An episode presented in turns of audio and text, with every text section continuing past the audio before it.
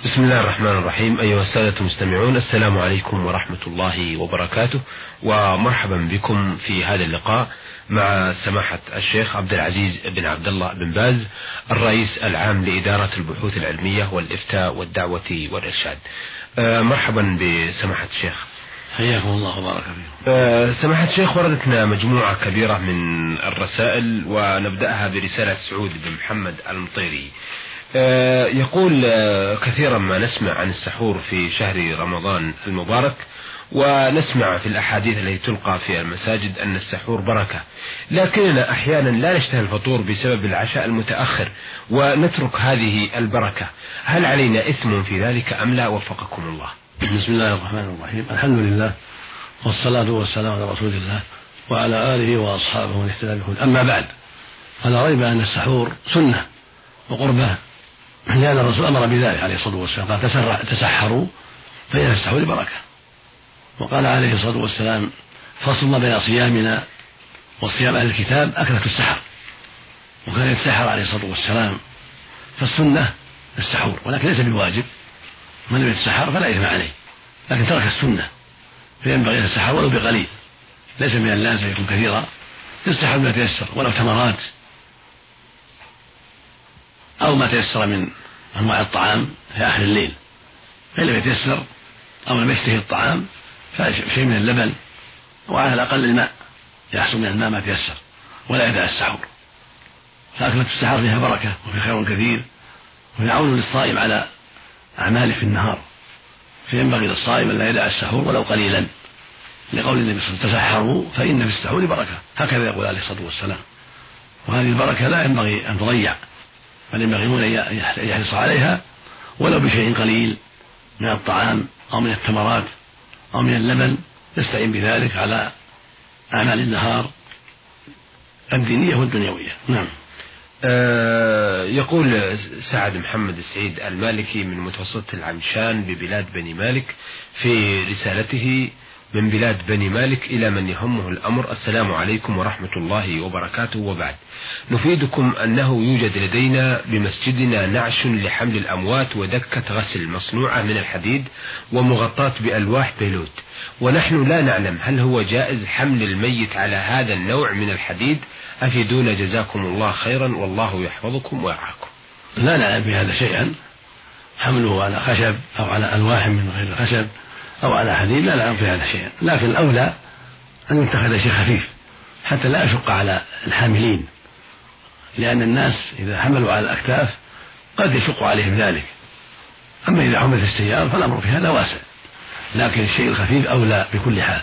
الألواح الخفيفة يوضع عليها الميت ويحمل عليها إلى مقبرة هذا أولى من الشيء الثقيل.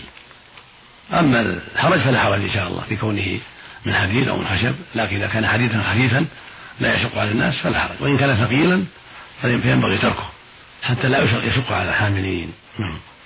آه هذه الرسالة عن الحقيقة رمضان والزواج قريبا منه. هذا بشر حسين عطية يقول تزوجت قبيل رمضان. وألاقي مشكلة كبيرة حيث أن الزواج لا يزال أو لا نحن حديث عهد بالزواج. فأحيانا أنام في الغرفة وتأتي إلي زوجتي فأقبلها بعض الأحيان. هل في ذلك شيء أم لا؟ وأرجو عرض رسالتي هذه على سماحة الشيخ عبد العزيز بن باز وفقكم الله. لا حرج على الزوج أن يقبل زوجته في نهار رمضان أو أن ينام معها لكن يتجنب وطئها الجماع لا يجوز له الجماع في نهار الصيام. أما كونه يقبل زوجته أو ينام معها في الفراش أو يضمها إليه كل هذا لا بأس به. كان النبي صلى الله عليه وسلم يقبل وهو صائم ويباشر وهو صائم وهو أفضل الناس وهو أتقى الناس لله وأكملهم إيمانا عليه الصلاة والسلام. واستأذنه عمر في ذلك فأذن له في التقبيل فالحاصل أنه لا حرج في ذلك. ويروى أنه استأذنه شيخ شايب في القبلة فأذن له واستأذنه شاب فلم يأذن له. وفي وفي وفي سنده ضعف. قال بعض أهل العلم إنما كرهه للشاب لأن الشاب أقوى شهوة. نعم. وبكل حال فالأمر في هذا واسع والحديث هذا ضعيف. والأحاديث الصحيحة المحفوظة تدل على أنه لا بأس بالتقبيل للزوج للزوجة مطلقة سواء كان الزوج شيخا أو شابا لكن مع مع الحذر من الجماع. إذا كانت شهوته شديدة ويخشى إن قبلها يقع في الجماع لا يقبل. أما إذا كان لا يملك نفسه يمكن يستطيع أن يقبل ويستطيع أن ينام معها يستطيع يضمها إليه لكن من دون جماع فلا حرج في ذلك كما فعله سيد البشر عليه الصلاة والسلام. نعم.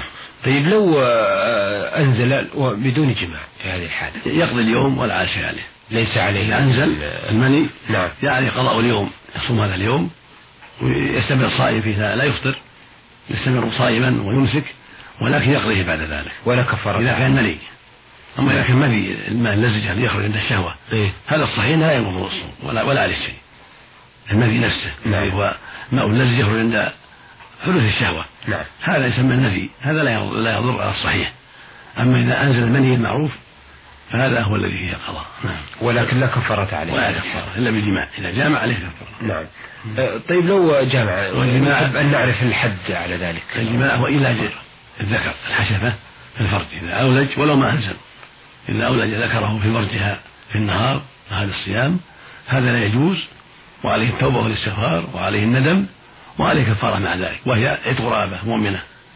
فإن لم يستطع صام شهرين متتابعين. فإن لم يستطع الصوم أطعم ستين مسكينا. لكل مسكين نصف صاع من قوت البلد من تمر أو رز أو غيرهما. نعم. هذه كفارة الوضع في رمضان. نعم. أما في الليل فلا بأس. إجابة أهله في الليل لا بأس. في رمضان كله حتى في العشر الأخيرة. إذا كان هو معتكف. حتى في العشر الأخيرة. نعم. إذا لم يعتكف له جماع. أما في النهار لا لا يجامع زوجته أبدا. في نهار الصيام في نهار رمضان. ويحرم عليه جماعها. وأما التقبيل يقبلها يلمسها يضمها إليه ينام معها كل هذا لا حرج فيه والحمد لله. لكن إذا كان شديد الشهوة يخشى من الجماع فالأولى به أن يترك التقبيل والضم إليه إذا كان شديد الشهوة. نعم. وينام وحده في النهار لا لا يضمها إليه. إذا كان إنسان شديد الشهوة لا لا يتمالك يترك هذا الشيء. أما إذا كان لا عنده تحمل عنده صبر عنده تمالك فلا أن ينام معها ولا بأس أن يقبلها. والحمد لله. نعم. آه هذه رسالة آه وردت في البرنامج من جيزان ومن إبراهيم مطر من قرية الجهو. يقول في رسالته عندنا عادات منها أن ليلة ثلاث من وفاة الميت نقرأ قرآن ويحضر الناس بكثرة في هذه الليلة. وقد قيل لنا أن هذا العمل بدعة فأخذنا أسلوب غيره فإذا جاءت هذه الليلة ندعو للميت بالمغفرة والرحمة لكي ينفض هذا الموقف فهل هذا الفعل يجوز من الدعاء للميت؟ وإذا كان العكس فبما تنصحون وفقكم الله في إقناع الحضور أنها إنهاء التعزية. أرشدونا أرشدكم الله. الاجتماع لأهل الميت في الليلة الثالثة من الموت لقراءة القرآن أو للدعاء أو لصنع وليمة كل هذا بدعة لا أصل له. وإنما يعزوا يزورهم الناس في أي, في أي وقت كان في يوم الموت أو في الثاني أو في الثالث أو الرابع ما في حد محدود. يزورهم الناس في الأوقات المناسبة يعزونهم هذا لا بأس به. تعزية مستحبة. أما أنهم يصنعون لهذا شيء من طعام أو قراءة قرآن يعتاد أو ما أشبه ذلك هذا كله بدعة. حتى جلوسهم مع الناس للدعاء الميت والاستغفار كذلك. بدعة. ولكن هذا الوقت يتركونه. يعني يحلون هذه العادة ويزيلونها بترك الجلوس في هذا الوقت. حتى من أرادهم يجدهم في أوقات أخرى. وبهذا تنتهي هذه العادة السيئة في اليوم الثالث. لا يجلسون في اليوم الثالث لا لقراءة ولا للدعاء الميت والاستغفار ولا لغير هذا. بل يدعون هذه العادة بالكلية ويمكن أن يجدهم المعزون في أوقات أخرى في اليوم الأول واليوم الثاني واليوم الرابع حتى لا تبقى هذه العادة السيئة نعم. آه. وهكذا ما يفعل بعض الناس من صنع ولائم في, في اليوم السابع أو في الأربعين بعد الموت. كل هذه بدع. كأي ترتيب يقع. من مأتم الميت في يوم الثالث أو الرابع أو عاشر أو أربعين أو أي ذلك أو شيء غير هذا بحيث يجتمعون لطعام أو قراءة قرآن أو ذبائح ولا كله بدعة. كل هذا بدع. كل هذه مناعة بدع. يجب الحذر منها. ولا يجب فعلها. وهكذا ما تفعله الشيعة في يوم العاشر من المحرم بدعة. من النهي على حسين و وما يفعلونه هناك كله من البدع التي نسأل الله أن يهديهم حتى يتركوها نسأل الله لهم الهداية لأن هذا شيء لا أصل له. نعم. فلا ينبغي لأهل الإسلام يفعلوا ذلك أبدا. لا مع كبير ولا مع صغير ولا مع شريف ولا مع وضيع. لأن الرسول صلى الله عليه وسلم سيد ولد آدم. ولما توفي صلى الله عليه وسلم ما اجتمع الناس بعد وفاته في اليوم الثالث ولا في العاشر. وجعلوا وليمة أو قراءة قرآن وهكذا الصديق لما مات. ما اجتمع الناس لصلاة طعام أو قراءة قرآن وهكذا عمر لما قتل وهكذا عثمان وهكذا علي. علي رضي الله عنه رابع الخلفاء الراشدين. وهكذا بقية العشرة هكذا بقية الصحابة وهم السادة نعم. وهم القدوة. فلو كان هذا شيئا مستحبا طيبا لفعلوه. فاقتدى بهم الناس. نعم. فالحاصل أن هذا الشيء لا, لا يجوز بل هو من البدع التي يجب تركها على أهل السنة وعلى الشيعة جميعا. يجب على الجميع ترك هذه البدع.